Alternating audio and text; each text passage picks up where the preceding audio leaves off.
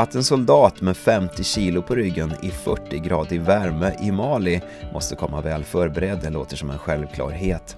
Därför har Försvarsmakten lagt stor vikt vid att undersöka såväl soldaters kapacitet som kommande yttre omständigheter för att sedan träna upp individerna utifrån varje persons förutsättningar.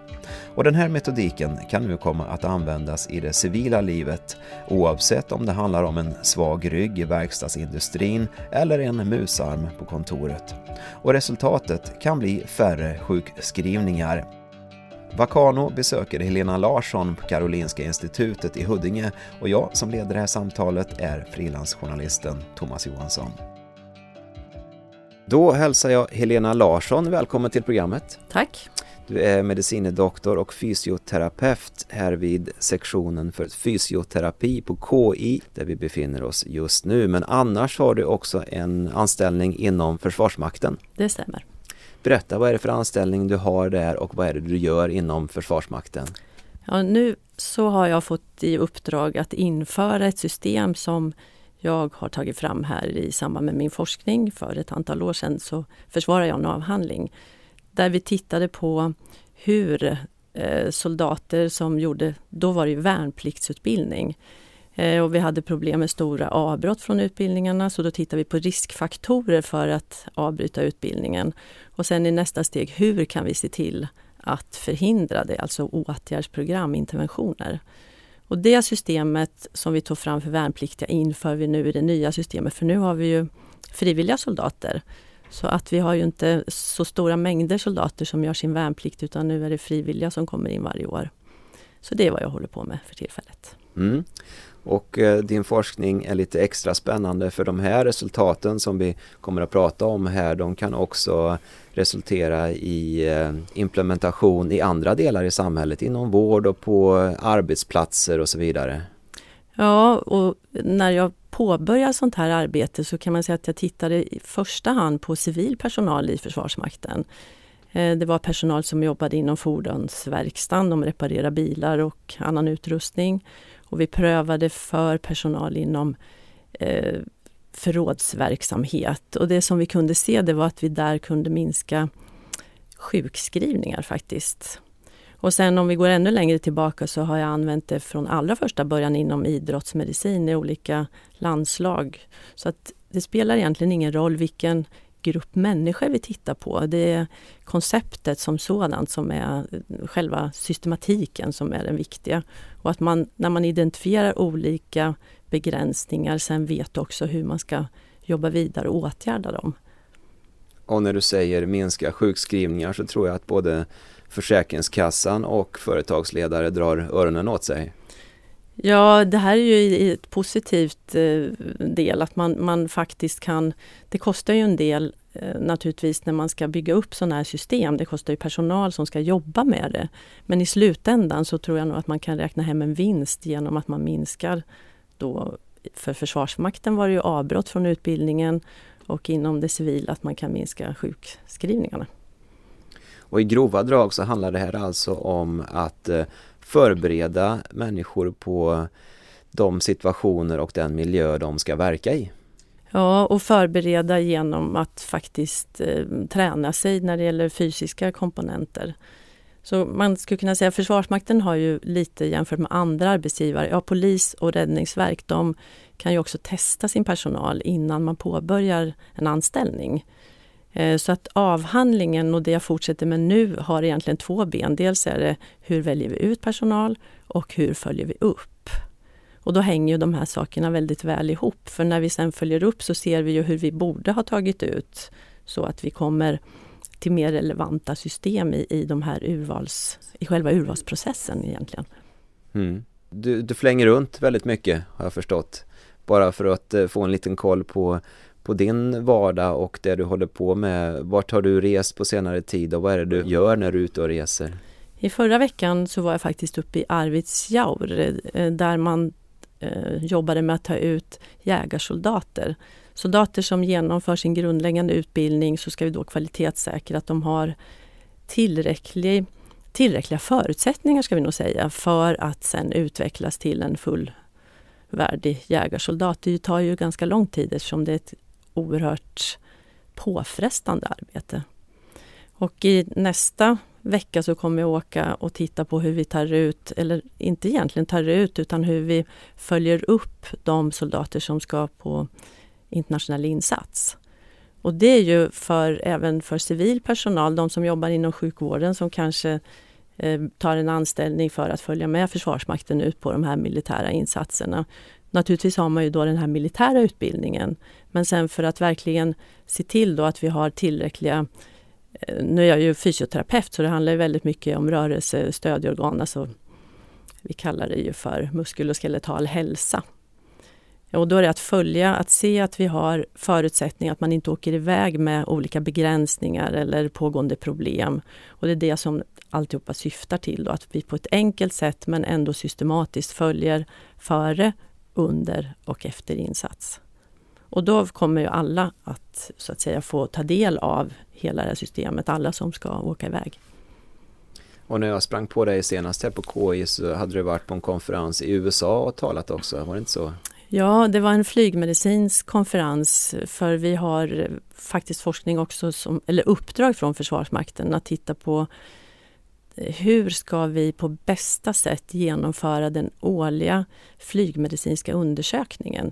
Det görs för alla våra piloter, men nu vill vi spetsa och lägga till det här med den muskuloskeletala hälsan så att inte våra piloter i onödan har problem med nacken eller ryggen eller andra delar av kroppen. Och det här är verkligen ett internationellt eh, problem så att säga. Så det är inte bara Sverige som tar upp och lägger tid och kraft för att försöka förbättra de här processerna. Och då var det ganska spännande för Saudiarabien. Där pratar man om problemen som eh, eh, det kallas, eh, inte besättningen nu i militär utan civil kabinpersonal, hur de har problem. Och då sa jag att vi kunde ju faktiskt införa även de systemen som vi använder i Sverige. Men problemet där menar man det är att personal kommer, de rekryteras från hela världen och det är ingen som egentligen har det här totala ansvaret över den personalen, för de kommer och går. Så det vi ser hos oss, det är ju att vi har möjligheter eftersom vi tar in personal, vi har dem under våra vingar så att säga. Och det är ju ungefär som arbetsmarknaden på de flesta ställen i Sverige också ser ut. Det är ju inte så att det är tillfälligt fram och tillbaka utan vi kan verkligen göra åtgärder och följa över tid. För det, det, går inte att bara göra en enstaka gång och ett test och sen är det klart utan det här handlar om att man får en systematiskt arbete i den här processen. Och när du arbetar då med soldater och även i din forskning när du jobbar fram de här modellerna, hur går det här till konkret? Ja, där måste man ju ha en idé och någon slags modell. Man har ju teoretiska modeller bakom all forskning.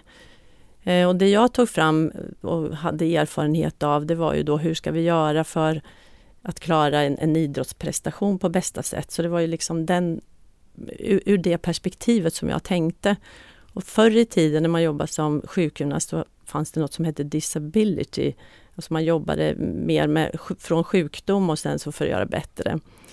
Men i det här arbetet så tänkte jag från andra hållet. Så modellen som, som jag tagit fram och som, som vi nu använder oss av kallar vi istället för the ability process. Alltså något med, med positiva förtecken. Och det betyder att vi går vi tittar inte bara från Eh, Eh, det sjukliga, alltså något patologiskt eller abnormaliteter som man kan ha som då leder till en begränsning i rörelse eller vad det nu är som, som begränsar. Utan vi tänker att du kan ha en, en, en god förmåga ur den kinesiopatologiska, det är ett fint ord, men det betyder att vi tittar då på en bra, en optimal rörelse. Människan är ju byggd för rörelser så det handlar ju väldigt mycket om att vi rör oss på rätt sätt. Men i det här optimala systemet så kanske man sätter sig sen vid datorn eller om det är någon som står över en patient under lång tid och att man jobbar med statiska belastningar som sen då orsakar olika påverkan på, på vävnaderna som sen leder till de flesta känner väl till ordet musarm eller för våra soldater så är det väldigt ofta eh, knäbelastning och typer av, olika typer av inflammatoriska tillstånd som blir av överbelastning. Och då tänker vi oss att vi försöker ta det från, från det positiva hållet och påverka så att vi tidigt förebygger den här typen av, av eh, besvär och sjukdomar och skador som, som blir. Så det, det är det som, som så att säga, det, det bygger på, the ability process. Är ni ute och eh, hänger på soldater i deras miljö och studerar vad de gör eller? Ja, och det måste man göra för att kunna ta fram rätt typ av instrument när man ska mäta olika tester. Då måste man ju veta väldigt mycket om exponering. Men om vi tänker från en grupp som kommer in och ska påbörja sin utbildning eller en grupp som kanske ska åka till, till Mali, som det handlar om nu, på en insats. Då har vi ett system där vi påbörjar undersökningen med en enkät som man fyller i, där vi ställer frågor om de har pågående eller om de tidigare haft besvär i olika delar av kroppen. Men vi ställer också frågor om träningsvanor, livsstilsvanor, rökning, snusning. Vi frågar om hur sömnbeteendet och lite andra hälsofrågor. Efter att vi har då tittat på, på den här personlighetsfaktorerna så gör vi och då kommer vi in till det här det svåra att hitta rätt screeningtester för att bedöma har du verkligen den här fysiska förmågan nu för att klara av det som vi tror att du kommer utsättas för? Och då har vi tester som vi sen försöker att se om det finns gapanalys. Då är det alltså ett gap mellan vad vi tror arbetet kräver i förhållande till vad du kan prestera. Och därefter så kan vi dela in den här gruppen pers personal som vi testar. Det kan ju vara 100 eller det kan vara 20 eller många mer än så i olika interventions, alltså åtgärdssystem. Så om vi tänker oss nu en person som inte har några besvär och mår mentalt väldigt bra. Eh, du har inga begränsningar, inga störningar så att säga när vi tittar på det fysiskt. Då handlar det om promotion. Vi vill få dig att bli och prestera ännu bättre jämfört med vad du gör idag. Men så ser det ju inte ut för det stora, den större andelen av personalen utan då finns det olika, antingen att du har aktuella besvär och då får du komma in i åtgärdsprogrammet med eh, behandling eller rehabilitering kanske rent av. Men sen kan det också vara så att du har inga besvär men vi tycker när vi testar dig fysiskt att här är nog en risk. Om du ska bära 50 kilo och sen är inte du tillräckligt stark när vi tittar på de här testresultaten. Då måste vi träna dig och då kallar vi det för primärprevention. Inga besvär men vi vill se till att du undviker att drabbas av skada. Och sen i nästa steg då så kan det vara så att du tidigare har haft besvär men du har inga besvär idag. Och då är det sekundärprevention vi pratar om. För det vet vi väldigt väl när vi tittar och följer upp vår, eh, all vår personal att tidigare besvär, precis som inom idrotten, det är någonting som väldigt lätt kommer tillbaka när vi sätter igång. För man kanske inte har tränat upp sig tillräckligt väl efter den här gamla skadan. Så att eh, det här programmet är väldigt individuellt låter det som. Ja, det är egentligen både och för att alla gör ju samma samma kartläggning i, i systemet. Men sen så vilken åtgärd det blir, där blir det helt individuellt. Men vi kan ju ändå säga att det finns en viss del som man kanske jobbar, inte med en individ i taget, utan man tränar dem tillsammans i grupper. Så att systematiken är ju också att man delar in de som vi testar i olika åtgärdsgrupper. Och här gäller det att spara tid och pengar också för för både den som ska behandla, träna och för soldaterna. Så det kan ju mycket väl vara så att man, man tränar flera samtidigt. Mm. Innan vi drar paralleller till eh, andra typer av arbetsliv och hur det här skulle kunna användas där och hur det kunna, skulle kunna se ut. Eh, jag är lite nyfiken bara på den här miljön som de hamnar i, i Mali. Det låter ganska extremt. Hur, hur kommer den att vara och hur förbereder ni soldaterna för det? Ja, nu är det ju väldigt extremt med Mali med tanke på eh, värmen som finns. Vi kommer ju från, vi nordbor är ju uppvuxna i ett helt annat klimat. Så det är ju en av de stora eh, utmaningarna för soldaterna som åker ner, att de anpassar sig till värme. Eh, och därför så får de ju inte när de kommer ner ut och eh, vara, man håller sig ett antal veckor inne på kampen och, och successivt anpassar sig till den här ökande. Nu har jag inte riktigt eh, koll på hur varmt det är just nu men det var varmt när de kom ner i alla fall den första gruppen. Och sen så måste de ju ha väldigt god kondition för att tåla den här typen av värmebelastning. Så att det är ju en av bitarna och en av delarna vi tittar på innan de åker ner. Och det här handlar ju om att vi får till och verkligen får alla att göra de här åtgärderna tillräckligt långt före. För det är ju inte eh, så vidare bra att göra en, en sån här kartläggning några veckor innan man åker ut på insats. Man behöver göra det ett halvår innan. Och det är också en utmaning för mig då som ska implementera någonting, att verkligen få in det här i våra nuvarande system. Så att alla är med på banan och verkligen tar de här eh, olika systemen till sig fullt ut. När du beskriver det här så tycker jag att det låter som, ett, som en lagsport nästan. Jag har spelat mycket fotboll själv och i ett fotbollslag så eh, försöker man ju optimera alla spelares potential. Är det ungefär så ni tänker? Jag brukar faktiskt när jag har sån här utbildning inför, eh, ja, när vi ska börja med någon ny grupp, ta idrotten som, som exempel. Jag säger, jag ser er som mitt fotbollslag. Och jag vill att ni alla ska vara med på banan. Så få av er ska sitta på rehabbänken. Och det får ju var och en att tänka lite grann att eh, faktiskt, precis som du säger nu, att det här är ju, det är ju en fysisk prestation. Men det är inte bara fysiskt, det är ett lagspel när soldaterna är ute. Och de är ju oerhört beroende av varandra. Så är det någon som inte hänger med och inte orkar så får de andra bära dens utrustning också. Så här gäller verkligen att vi har ett bra ledarskap, att vi förbereder oss och alla tar sitt ansvar i det här. För har man inte tagit sitt ansvar och förberett sig så bra det går så är man ju belastning för, för sina kamrater. Mm. Så visst är det eh, väldigt nära, men det är det är olika saker vi är där ute för att göra så att säga. Nu är det här en FN-insats men den är ju ändå det är ju i, i, ett område som, som det kan hända olika saker så att det är klart att det är oerhört viktigt att vara helt förberedd så, så bra det går. Mm. Liknelsen vid, vid, ett lag är ju väldigt eh, tydlig när det gäller försvaret och man kanske ska ut i strid och ja, alla bidrar ju väldigt mycket men på ett vis är det ju samma sak på en arbetsplats. Alla bidrar ju till, för att det ska funka och det ligger i arbetsgivarens eh, intresse att folk är på arbetsplatsen och så vidare. Är den liknelsen relevant till att börja med? Ja absolut. Eh, det man ser hos många soldater det är ju att de, de vill inte vara belastning för sin kamrat. Så därför så kan man ofta se att de vill göra mer än vad som är bra för dem rent kroppsligt. Och då behöver det ju finnas personal och det finns också sjukvårdspersonal på plats som, som ungefär som en vanlig vårdcentral och så finns det eh, andra nivåer också på omhändertagande såklart. Men där är det väldigt viktigt att den personalen också känner soldaterna så att man kan läsa av och nej du ska inte vara med idag. Det kan ju vara någon som har blivit extra belastad så att säga.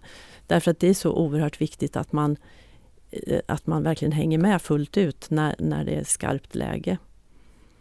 Och på en arbetsplats så kanske man inte märker om någon maskar men det gör man ju om man är ute på, på riktigt.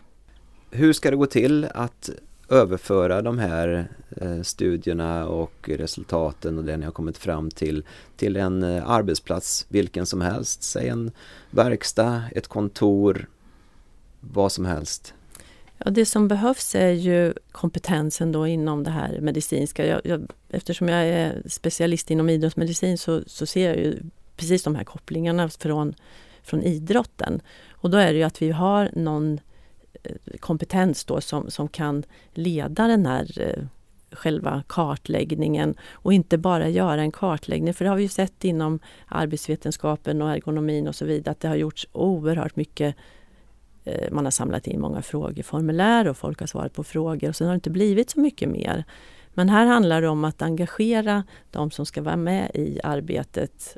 Dels att svara på frågorna men sen att de ser att det faktiskt blir någonting av. Och då är det viktigt att det finns rätt personal som kan göra om vi nu hittar att du har ett problem med ryggen, nacken eller vad det kan vara, då måste du få en individuell klinisk undersökning. Och den ska då leda vidare till att man ser vad är det för typ av vävnader och sen så ska du in i rätt behandling. Och missar man där då tappar man ju en viktig bit i det här konceptet och då faller det lite grann. Så att det behövs alltså Själva systemet är ju inte på något vis svårt och som jag sa, vi kan göra precis på vilken arbetsplats som helst. Vi kan göra på kontors... Och det är någonting som behövs inom kontorsmiljön med tanke på all, hur folk sitter och hur vi använder kroppen så att säga. Men det behövs den här personalen runt omkring. Ofta är det ju företagshälsovården som, som håller de här bitarna. I Försvarsmakten har vi nu företagshälsovård på alla våra förband runt Sverige. Kommer det vara så att ehm, det här arbetet och den här forskningen resulterar i konkreta modeller som är då utformade utifrån olika förutsättningar med miljö och sånt beroende på vart man arbetar? Ja, vi tittar nu på det här före insats är ju en del. Eh, att man gör tillräckligt långt i förväg och att du kommer i åtgärden hos fysioterapeuten, hos den som tränar så att när du åker ut så är du fullt optimalt eh, tränad för att kunna ställas inför de här olika svårigheterna. Sen har vi personal som åker ner. Nu tänker jag, det här kan man ju föra över i, i det civila livet också. Men jag har kollegor som åker ner till Mali och arbetar under insatsen och då gör vi en snabb kartläggning på vilka är det som nu har drabbats av eller behöver följas upp beroende på vad som, som fanns innan man åkte ner. Eh, och sen det, pågår det arbetet under insats och det skulle kunna vara även på ett civilt företag. Eh, sen kommer soldaterna hem till Sverige. Då har vi haft ett system där vi följer upp de mentala bitarna och samtal och så vidare. Men det, det vi gör nu och framåt det är att vi också lägger mer fokus och tankar på den muskel och hälsan. Så då har vi enkäter och uppföljningar för att alla som har problem ska då in i en åtgärd. Individuell eller vad det nu beroende på vad det var för problem. Men det som också är viktigt här när vi gör den här uppföljningsenkäten, för det är frågeformulär det handlar om, så ställer vi också frågor om vad de har varit exponerade för. Och då får vi sen ett väldigt bra underlag för att titta på och återkoppla till det där första jag pratade om, nämligen urvalet. Vad har vi tagit ut för? Har det varit rätt nivå? Har den här personalen haft rätt förutsättningar? Det kan ju vara antropometriska mått, nämligen att man är egentligen för kort och väger, har för lite kroppsmassa för att bära all den där utrustningen som krävs. Eller att man kan ha någon, någon, annan eh, del som vi behöver lägga fokus på. Så återkoppling till urvalssystemet så att vi får rätt eh, ingångsvärden när vi ska ta ut personal till Försvarsmakten är ju också en viktig bit i det här arbetet. Och det är, det är någonting som, som vi måste lägga ännu mer tid och eh, arbete för att få det korrekta underlaget. Alla insatser ser olika ut så även om de är i Mali nu ett antal under ett antal år eller ett antal omgångar så kan det ha varit olika exponeringar beroende på vad som har hänt ute under insatsen. Mm.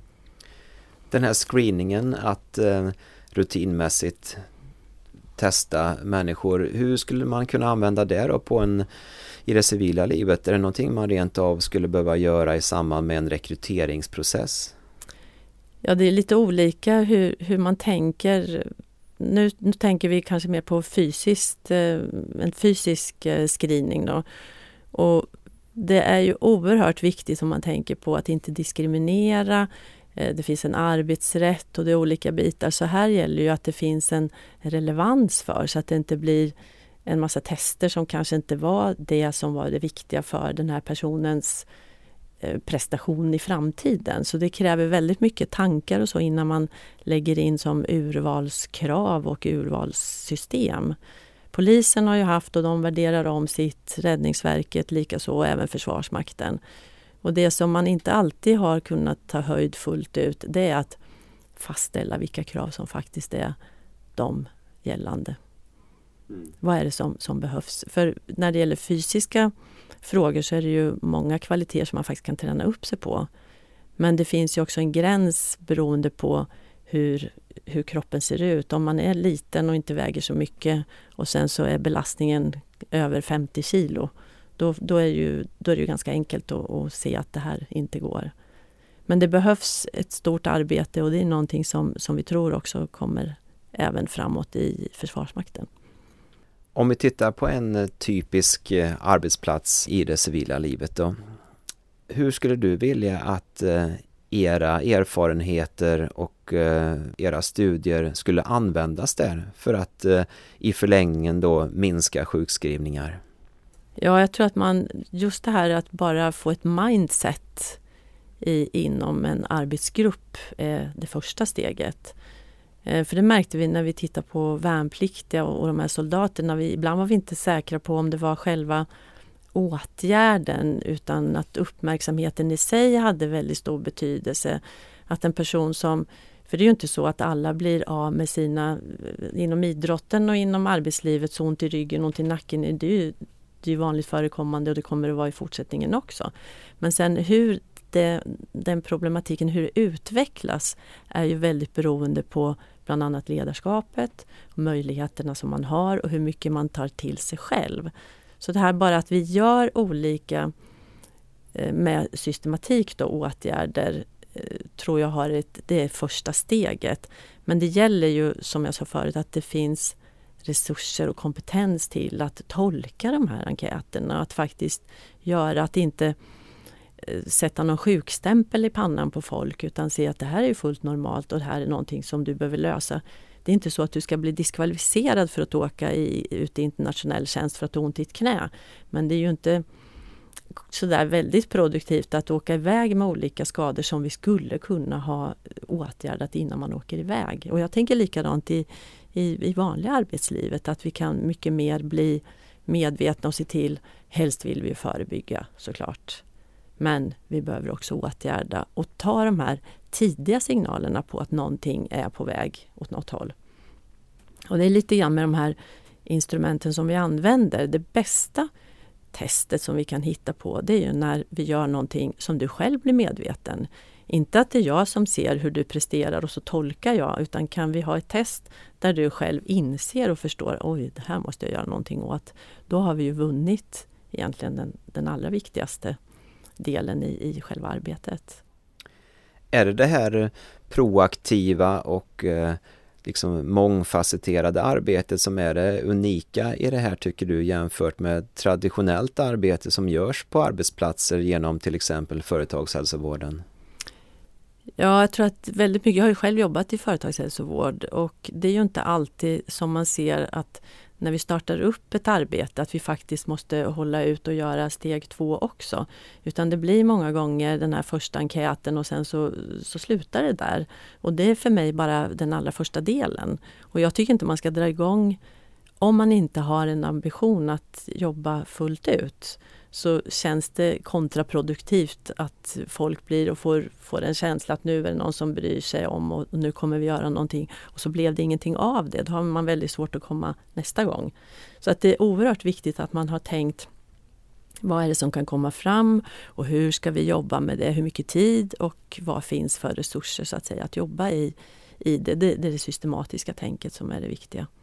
Och jag ser det som faktiskt ett systematiskt arbetsmiljöarbete det vi gör. Jag brukar förklara det. Dels så tar jag exemplen från idrotten och sen så ser jag det som...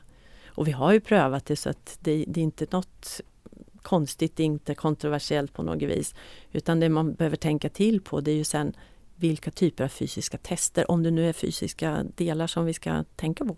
Men det är precis lika ofta så är det mentala bitar och, och sociala delar och, och, sånt som, som är viktiga i det här. Så det är ju Tänka helheten är ju en viktig bit. Så man inte bara plockar ut en liten, liten bit ur, ur den stora kakan.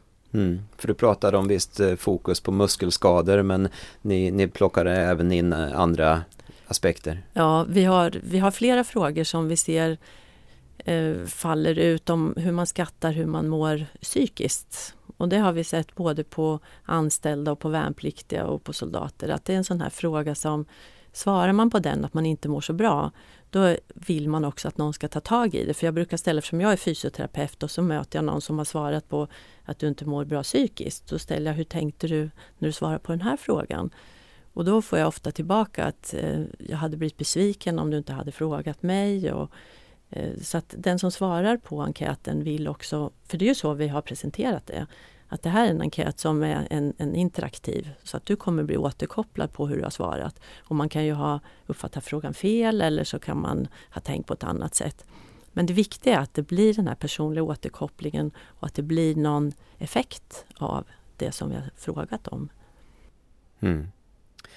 För något år sedan så hjälpte jag Arbetsmiljöverket och Försäkringskassan med en kampanj kring vad som utmärkte friska arbetsplatser. Och det var ju för att liksom peppa och inspirera andra arbetsplatser att jobba med de här bitarna och i förlängningen då minska sjukskri sjukskrivningen. Nu har ni ju världens eh, modell här inom Försvarsmakten. Är det många som hör av sig och är intresserade av det här? Ja, faktiskt, nej, det är inte många, för det är väl inte så att vi har gått ut sådär jätteoffentligt eller på det sättet. Man publicerar ju sina artiklar och det görs i vetenskapliga tidskrifter. Så där har jag fått frågan från andra NATO-länder och när jag presenterat i Malaysia och så vidare. Så att det finns inom försvarsmedicinen ett stort behov. Alla har ju samma behov och man jobbar väldigt olika i olika länder. Men vi har ju inte varit ute egentligen på civilt och beskrivit och berättat om det här konceptet än i alla fall. Så NATO hör av sig men inte Försäkringskassan? Jag tror inte Försäkringskassan kanske har blivit medveten om, om systemet som finns. Jag ska mejla om det här samtalet så ska det bli ordning. Eh, Helena, är det något annat som du känner som är intressant att plocka upp i det här sammanhanget? Ja, just nu så, så är jag mitt i det här med den stora implementeringen vilket tar väldigt mycket tid. Men vi tar också höjd för att eh, fortsätta och fundera på hur kan man bäst hitta de här Eh, screeninginstrumenten så att vi gör... Det gäller ju att man inte tar tid i onödan, det kostar pengar att testa många, många personer. Så för mig handlar det väldigt mycket om att samla in massa data och sen så titta statistiskt på det förstås för att kunna påvisa olika saker. Och det är det vi gör nu med de som åker på insats. Så att de finns med, Mali-soldaterna. Alla som, som frivilligt vill delta i den studien kommer också... Eh, där samlar vi in och sen så kommer vi att få dra slutsatser hur den här Dels hur, hur många som har haft problem och vad effekten och konsekvensen och sen i nästa steg då att titta på vad är den verkliga exponeringen? Vad upplever de själva? För då blir ju nästa steg att gå ut och mäta den. Nu, det är ju en sak när, när människor beskriver och talar om i en enkät. Nästa steg blir ju för oss att mäta den faktiska exponeringen. Och det kräver ju, det är ju nästa steg så att säga i forskningen. Mm. Men det tror jag man skulle behöva göra i, i andra situationer också faktiskt. För många gånger så belastar människor väldigt mycket mer än vad man tror att man gör. Mm. Då ska vi avsluta det här lilla samtalet som vi har haft på KI i Huddinge med Helena Larsson som alltså är medicindoktor och fysioterapeut inom Försvarsmakten men du är även här nere och styr upp på KI i Huddinge, är det så? Ja, här har jag min forskargrupp och får all forskningsstöd och support så att säga från personalen som finns. Och det är ju en förutsättning för att det här arbetet ska, för att vi ska kunna ta den här vetenskapliga nivån på, på arbetet. Mm. Tack så mycket för att du ville vara med. Ja, tack för att jag fick vara med.